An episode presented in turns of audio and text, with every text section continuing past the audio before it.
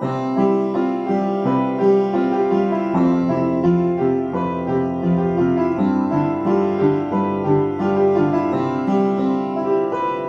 hai hai, apa kabarnya teman-teman? Di mana pun kalian berada, semoga sehat selalu ya.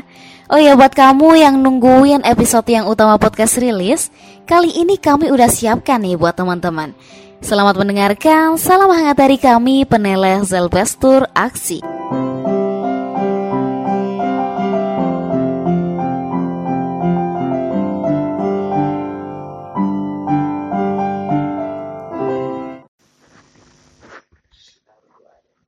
Bismillahirrahmanirrahim. Selamat pagi, selamat siang maupun selamat malam para pendengar yang setia yang utama podcast di mana pun dan kapan pun kalian berada. Selamat beraktivitas selalu, sehat selalu, tetap jaga kesehatan ya karena emang kondisinya sekarang lagi memprihatinkan. Tapi tetap kuatkan hati dan juga kuatkan doa untuk kita ya biar kita tetap sama-sama sehat, kita bisa beraktivitas dan tentunya yang utama podcast tetap bisa produktif untuk episode-episode yang terbaik. Oke, dan dan kali ini kembali lagi ya dengan saya hostnya. Kalau dari kemarin hostnya itu ada beberapa kru dari yang utama podcast jadi host dan kali ini saya lagi saya sengaja jadi host karena bintang tamunya ini cukup besar gitu ya. Besar besar. cukup besar gitu, cukup dan juga maka dari itu ya saya saya, saya yang disarankan untuk menjadi hostnya gitu. Tidak perlulah kalian, tidak perlulah saya kenalkan diri saya karena ya pasti tahu lah suara saya ini. Oh. Eh. Oke, okay. nah kebetulan teman-teman yang utama podcast pada episode kali ini kita akan membahas salah satu uh, bidang gitu ya yang ada di aktivis peneleh sendiri. Karena kebetulan pada uh, momen-momen ini aktivis peneleh ini semakin besar dan semakin punya keluarga yang lebih besar lagi. Salah satu keluarga kita ini ada kita datang dari LPJO. Kalau kalian belum tahu LPJO itu apa, ya ini secara singkat ya LPJO ini uh, singkatannya itu lembaga pelatihan yang utama. Nah, kalau kalian tahu sebelumnya, mungkin beberapa bidang di aktivis penilai itu memang cukup banyak. Tapi di sini juga ada bidang, salah satu bidang yakni LPJO, Lembaga Pelatihan yang Utama. Kalau kalian kepo dengan lembaga ini, kita sengaja datangkan kepala LPJO nasional dan juga wakilnya. Siapakah dia dan, siapakah mereka? Nah, selebihnya kita kenalan dulu ya Bang. Kita sengaja datangkan ini ke studio yang utama podcast. Mungkin sebelumnya kita bisa berkenalan dulu dengan kepala LPJO, Lembaga Pelatihan yang Utama. Monggo diperkenalkan. Assalamualaikum warahmatullahi wabarakatuh. Ya, kita uh, menghadapi pagi yang cerah dan bahagia ini karena kita proses syutingnya pagi. ya, perkenalkan nama saya sendiri Asep Irawan, biasa dipanggil Asep Papa. Kalau uh, asal saya dari Indramayu Jawa Barat. Mungkin itu saja. Nanti dilanjutkan oleh pengenalan Wakil Kepala LPJU. Monggo. Oke, baik. Uh, Assalamualaikum warahmatullahi wabarakatuh. Waalaikumsalam. Uh, perkenalkan nama saya uh, Maskur. Ada yang nambahin biasanya Maskur Arzafin gitu. Dan ada yang nambahin Muhammad gitu. uh, saya dari Bangkalan Madura dan kebetulan asal regional Bangkalan juga Madura. Kalau dulu uh, masih belum regional Bangkalan tapi regional Madura. Uh, sekarang karena pelebaran sayap di Madura sendiri uh, di regional-regional kita uh, tambah begitu sehingga disektorkan di setiap kabupaten yang ada. Dan saya sekarang dari uh, aktivis peneleh regional Bangkalan. Oke, itu dulu. Oke, biar saya ulangi lagi. Tadi kepala LPJO bisa kalian panggil yang utama Asep dan juga wakilnya yakni yang utama Maskur. Maskur Arzafin, tapi bukan dari Arsenal.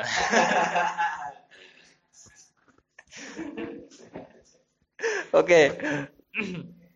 eh, sebelum karena kita sudah mengenal ya formasi atau selaku kepala dan juga wakil yang bertanggung jawab atas LPJO ini, maka eh, sebelum kita membedah atau lebih mendalami tentang LPJO, mungkin kita bisa berbincang dulu sama yang utama Asep dan juga yang utama Maskur. Apa sih yang membuat kalian ini, yang membuat kalian ini bergerak di LPJO? Jadi bisa dilihat dulu mungkin latar belakang kenapa LPJO ini dibentuk dan sebagainya secara historis uh, dari tahun atau dari abad keberapa sebelum Masehi mungkin bisa di bisa dijelaskan. Monggo bisa dijelaskan dulu oleh kepala dulu ya yang utama. Ya. Izinkan saya untuk menjelaskan apa yang ada di benak kalian. Jadi kan memang akhir-akhir ini kan aktivis penilai lagi membuat sebuah gerakan yang memang untuk dimasifkan bahwa untuk menyadarkan itu perlu perjuangan. Perjuangan itu ya harus benar-benar berjuang gitu. Dalam artian kita tetap berupaya untuk menyebarkan nilai-nilai dasar kebudayaan yang ada di Indonesia ini. Maka dengan luasnya itu kita butuh yang namanya lembaga pelatihan. Karena di sisi lain juga setelah kita mengadakan uh, mengadakan uh, kaderisasi secara formal kita butuh juga informal. Nah maka dari itu kita harus selalu memfollow up-nya. Jadi perlu adanya daya upaya untuk mengembangkan pengetahuan dari setiap aktivis penilai itu sendiri. Maka kami Eh, menyarankan untuk membuat sebuah wadah, wadah yang memang bergerak untuk mengembangkan potensi-potensi setiap uh, diri pada aktivis itu sendiri. Nah ini kebetulan LP, LPJO ini dalam struktural ini ya setara dengan kepala sekolah, terus kepala aktivis penilai, sama rumah peduli penilai. Hmm. Jadi ada sebuah wadah, wadahnya ini cukup uh, cukup cukup tinggi karena memang jangkauan kita tidak hanya regional, nasional, bahkan kita internasional. Kalau untuk menyebarkan sebuah kebermanfaatan itu tidak di uh, tidak jangan nanggung-nanggung gitu. Atau juga hidupkan sekali, ngapain nanggung-nanggung. Kita langsung sikat. Mantap. Uh, jadi emang sebagai wadah gitu ya, wadah organisasi formal maupun informal, yang mana juga LPJO ini ya tadi uh, bisa dibilang setara dengan posisi dari kepala sekolah. Kepala sekolah aktif penilai kan fokus di bidang kaderisasi formal gitu. Kepala aktivis siapa ya kepala aktivis? Oke. Uh, mungkin wakil dari LPJO ingin menambahkan ter terkait tentang ini latar belakang kenapa LPJO dibentuk. Mungkin bisa ditambahkan. Uh, baik, sedikit mungkin uh, ditambahi perihal kenapa kemudian uh, LPJO itu sendiri harus berdiri ataupun urgensinya apa kan kira-kira begitu. Uh, sebenarnya kan melihat daripada latar belakang uh, pergerakan kita selama ini uh, baik di semua sektor di beberapa jenjang training ataupun uh, pelatihan yang ada di kita itu sendiri uh, ini sudah sangat masif kita lakukan begitu. Terbukti di tahun kemarin meskipun di masa pandemi ya dengan protokol kesehatan yang ketat kita tetap perhatikan itu kita mampu melaksanakan di sana sebanyak tiga kali sebanyak tiga kali begitu. Di samping itu teman-teman regional ada juga yang uh, mengadakan kayak relawan riset yang kemarin alhamdulillah uh, banyak dokter-dokter kan yang kemudian uh, menjadi pesertanya gitu. Uh, karena berhubung dari sana kita ini membutuhkan uh, teman-teman pengkader utama uh, untuk kemudian terjun terhadap lapangan, uh, maka dirasa perlu kita ini menambah uh, armada ataupun tambahan SDM yang kemudian itu lebih dispesifikkan uh, dispesifikan kembali dan mempertegas posisinya itu dengan adanya LPJ itu sendiri sebagai uh, lembaga yang kemudian bertanggung jawab atas semua proses di training ataupun uh, pelatihan yang ada di uh, itu sendiri. Mantap sekali ini LPJO.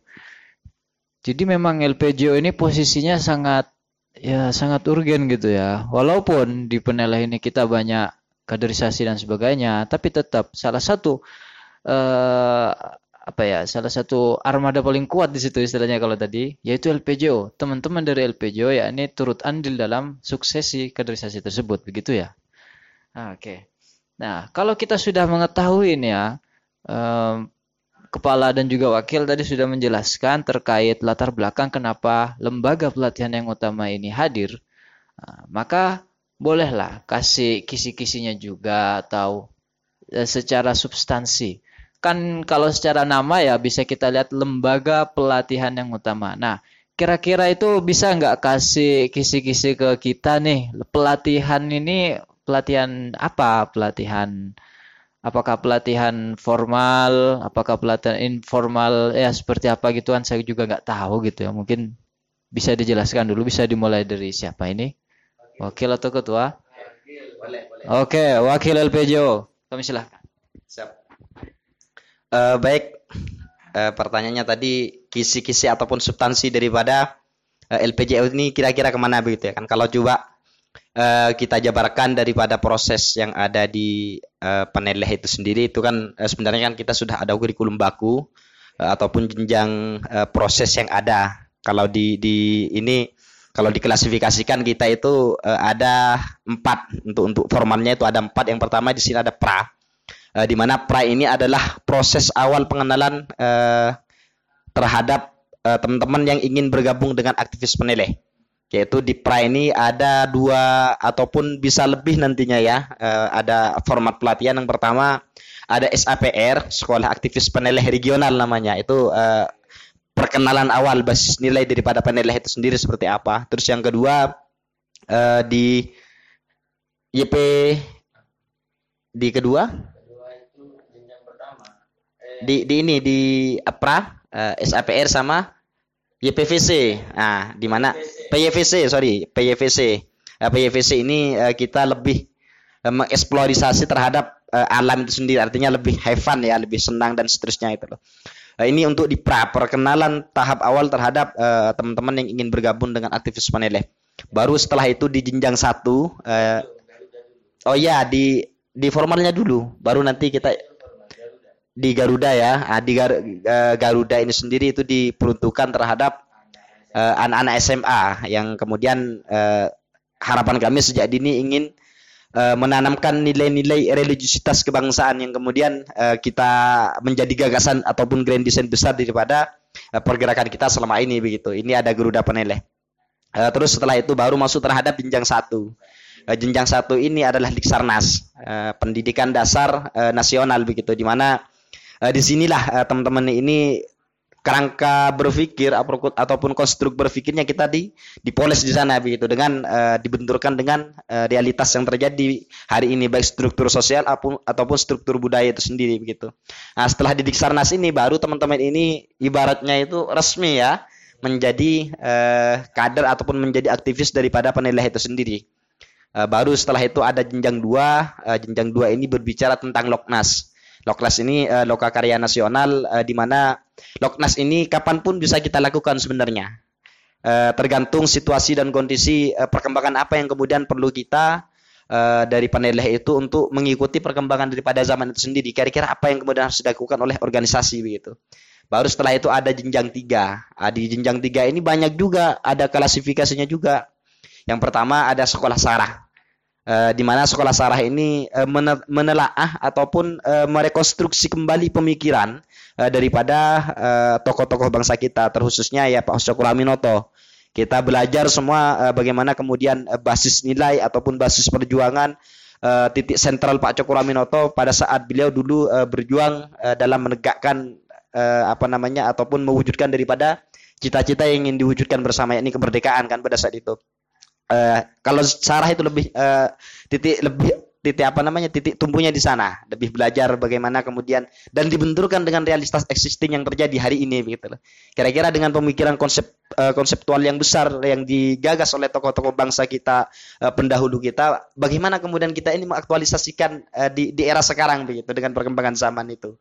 Itu di ini di apa namanya di di Sarah. Baru setelah itu ada sekolah politik Uh, di setelah setelah sekolah politik ada sekolah ekonomi, sekolah pendidikan dan seterusnya begitu. Uh, mungkin itu nanti bisa berkembang juga sesuai kebutuhan yang kemudian dirasa oleh kita daripada uh, daripada rumah uh, yayasan rumah penilai itu sendiri perlu dilakukan begitu. Itu yang uh, formal. Mungkin yang informal nanti uh, Pak Ketua yang menjelaskan ini.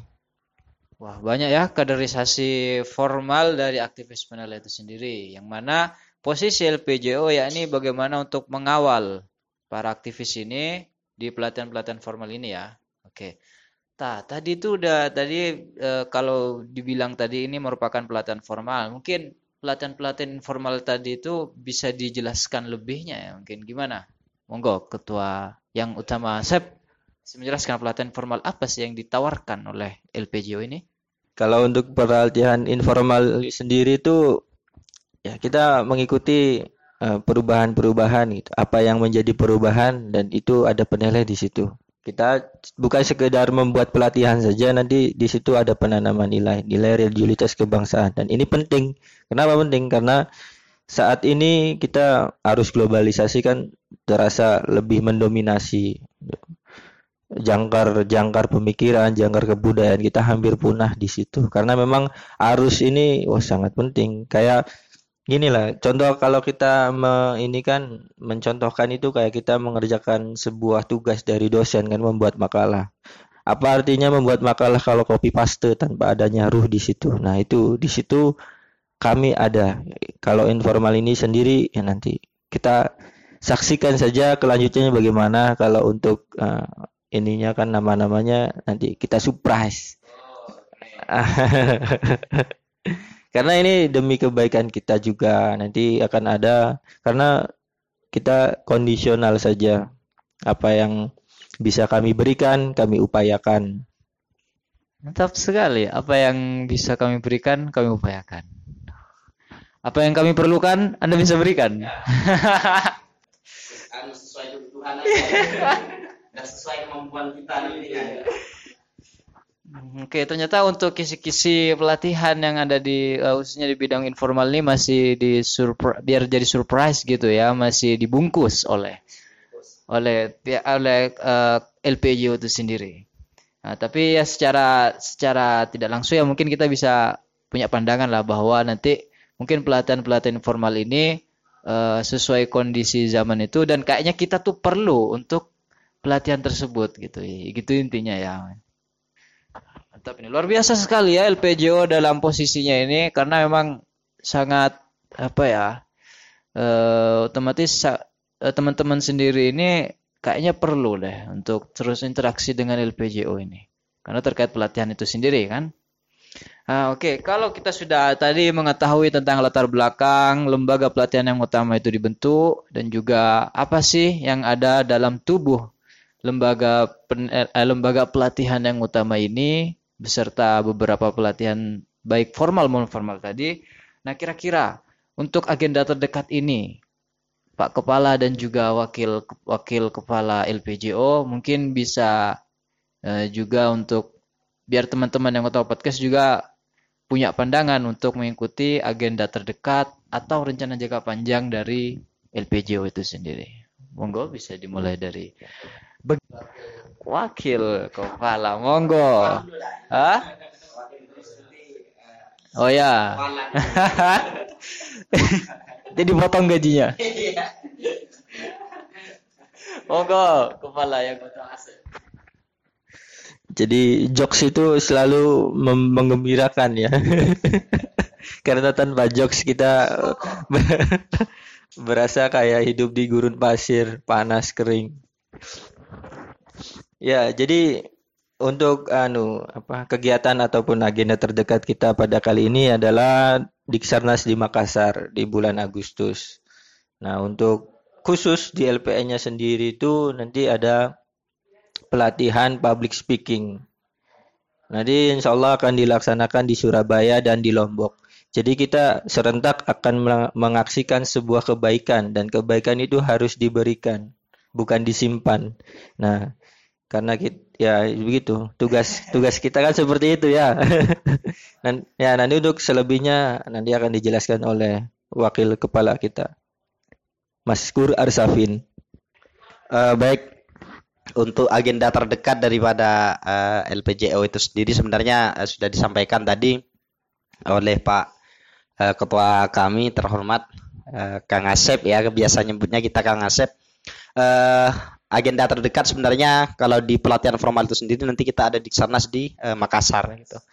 Eh, setelah dari Makassar itu sebenarnya kita nanti banyak agenda ke belakang ini. gitu. Cuman eh, ya semoga eh, pandemi ini juga segera selesai kan, eh, biar kita bisa melakukan kebaikan dari kebaikan yang lain begitu, berpindah dari suatu tempat ke tempat yang lain untuk kemudian mengabdikan diri terhadap umatan ataupun kebangsaan itu sendiri begitu. Itu harapan harapan kami. Eh, seperti yang disampaikan juga oleh eh, Kang Asep tadi bahwasanya mungkin eh, nantinya kita akan mengadakan eh, public speaking, eh, pelatihan public speaking di semua regional. Eh, untuk ter- eh, yang sudah terjadwal cuma ada dua regional sebenarnya, regional Surabaya dengan regional Lombok. Mungkin nanti kita eh, konsolidasikan ulang terhadap eh, regional-regional yang ada eh, untuk kemudian menjadwalkan juga begitu biar biar menjadi eh, rentetan daripada eh, kegiatan yang akan kita lakukan nantinya gitu. Itu eh, jangka pendeknya di sana. Untuk jangka menengahnya sebenarnya kita ini insya Allah kalau eh, lancar semua ke belakang ini kita ada program eh, pelatihan itu yang kemudian eh, berbasis internasional sudah ya. Eh, kita sudah eh, beberapa di, di Yayasan Rumah Peneliti sendiri kan sudah eh, beberapa dengan beberapa negara sudah menjadi kerjasama kan begitu dengan India, Nepal, Malaysia dan seterusnya. Dan eh, mungkin di sana bisa saja nantinya kalau keadaan sudah memungkinkan dalam waktu tidak begitu lama akan mengadakan Diksanas ini di luar negeri begitu. Ya tetap dengan basis nilai religiusitas kebangsaan yang benar akan kita bawa terhadap eh, skala internasional begitu. Artinya orang yang beragama dengan eh, nilai-nilai kebangsaan yang tinggi begitu. Eh, Sehingga ini yang kemudian eh, menjadi visi daripada eh, kita nantinya ke depan. Ini jangka menengah, jangka panjangnya eh, Allah a'lam bisawab begitu. Intinya menebar kebermanfaatan sebanyak-banyaknya begitu. Luar biasa. Biasanya di luar ya. Mantap sekali ini kepala LPJO dan juga wakil LPJO ini. Ya nggak salah saya ngundang kalian ke studio ini ya. Kenapa? Aduh. Sorry guys. Saya juga ada rokok ini. Karena berhubung peraturannya tidak boleh merokok, saya tidak bawa rokok. Oke oke. Masukan diterima ya. Nanti nanti saya suruh krunya saya buat minum nanti ini. Hmm, Oke, terima kasih atas penjelasannya eh, baik dari kepala LPJO dan juga wakil LPJO yang mana tadi juga mempunyai beberapa rancangan ya, kerja ataupun rancangan agenda gitu, baik ya jangka pendek, jangka menengah ataupun jangka eh, panjang tadi yang mana tadi jangka panjang juga sudah disinggung tadi bahwa ada rencana Diksarnas internasional. Tapi yang yang mana? Oh, Diksar Diksar. Oh iya ya, Diksar In. Eh, di- pendidikan dasar internasional itu, yang mana bisa dilaksanakan di luar Indonesia. Tapi tapi tetap dengan notaben tadi ya, dengan eh, dengan nilai religiusitas kebangsaan. Oke. Oke, terima kasih untuk Kepala dan Wakil LPJO karena kita waktunya sudah mau habis gitu ya. Nah, mungkin sebelum kita menutup episode keren ini, episode khusus ini, khusus kalian khususnya. Ah, mungkin eh, eh, saya boleh minta dong eh, closing statement atau pesan pesan-pesan lah untuk saya sendiri khususnya dan juga terlebih untuk teman-teman yang utama podcast yang sedang streaming ini di Spotify atau yang dengerin ini di eh, IGTV yang utama podcast. Nah, monggo bisa dimulai dari siapa nih closing statement? Oh ya, kepala LPJO dulu, monggo. Ya baik. Jadi kalau untuk closing statement dari dari saya sendiri itu adalah bahwa untuk menebarkan kebaikan itu tidak harus menjadi seorang guru ataupun kiai. Karena memang kita kan ditakdirkan menjadi manusia yang menjadi khalifah. Tapi ingat, khalifah di sini itu harus tahu dasarnya yaitu abdillah atau abdi Allah. Jadi walau bagaimanapun kita di sini tugasnya beribadah. Menyatukan diri dengan umat adalah jalan yang terbaik untuk bisa eh, menjadi manusia yang bermanfaat. Tidak harus menjadi guru, tapi alangkah baiknya kita menjadi manusia yang lebih baik lagi agar bisa kebermanfaatan itu terus lancar dijalankan. Itu yang yang perlu digarisbawahi adalah Abdillah. Ya, hamba hamba Allah yang mana tugasnya mengabdi, apa pun profesinya gitu ya. Oke, mantap. Oke, monggo closing statement selanjutnya dari wakil LPJO. Uh, dunia bergerak begitu cepatnya dan kita tidak boleh lamban uh, mengikuti daripada uh, perkembangan zaman sehari ini itu. Pemuda sebagai titik sentral uh, harapan masyarakat ataupun harapan bangsa ataupun generasi penerus yang kemudian nantinya akan menjadi uh, tongkat ekstafet uh, kepemimpinan yang ada di bangsa kita maka uh, karena kita sadar sadar betul apa yang kemudian menjadi tanggung jawab kita di kemudian hari maka kita uh, dari sekarang uh, bagaimana kemudian menebarkan uh, konsolidasi dengan basis nilai religiusitas kebangsaan uh, itu semua uh, dikarenakan apa namanya itu semua tidak lepas daripada uh, peran kita sebagai manusia itu sendiri sebagai hurufil ar gitu. Uh, bagaimana kemudian kita ini memberikan ataupun menebar kebaikan sebanyak-banyaknya, menebar kebermanfaatan uh, sebaik-baiknya karena hidup hanya satu kali. Uh, rugilah ketika manusia itu mati dalam keadaan yang tidak uh, pernah memberikan kebermanfaatan uh, terhadap sesama itu sendiri seperti hadis Nabi khairun nas anfa'um uh, sebaik-baik insan manusia ataupun sebaik-baik individu manusia adalah yang bermanfaat uh, bagi sesama. Itulah jalan yang kemudian kita pilih uh, untuk kemudian memberikan kebermanfaatan itu sendiri. Mungkin itu. Jadi sebagaimana yang dipesankan oleh wakil LPJO yang utama Maskur ya ini tentang pentingnya untuk kebermanfaatan. Kalau hidup jangan cuma hidup tapi juga menghidupi begitu ya. Kalau mulia jangan, jangan cuma mulia tapi juga memuliakan. Seperti itu ya. Khairun nasi anfa'uhum linnas. Masya Allah Ustaz.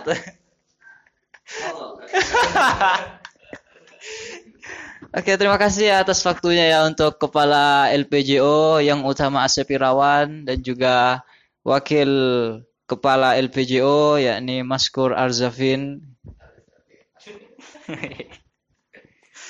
Uh, terima kasih sudah menyempatkan waktunya di studio kami, studio yang utama podcast, dan juga terima kasih atas perbincangan hangatnya di pagi hari ini.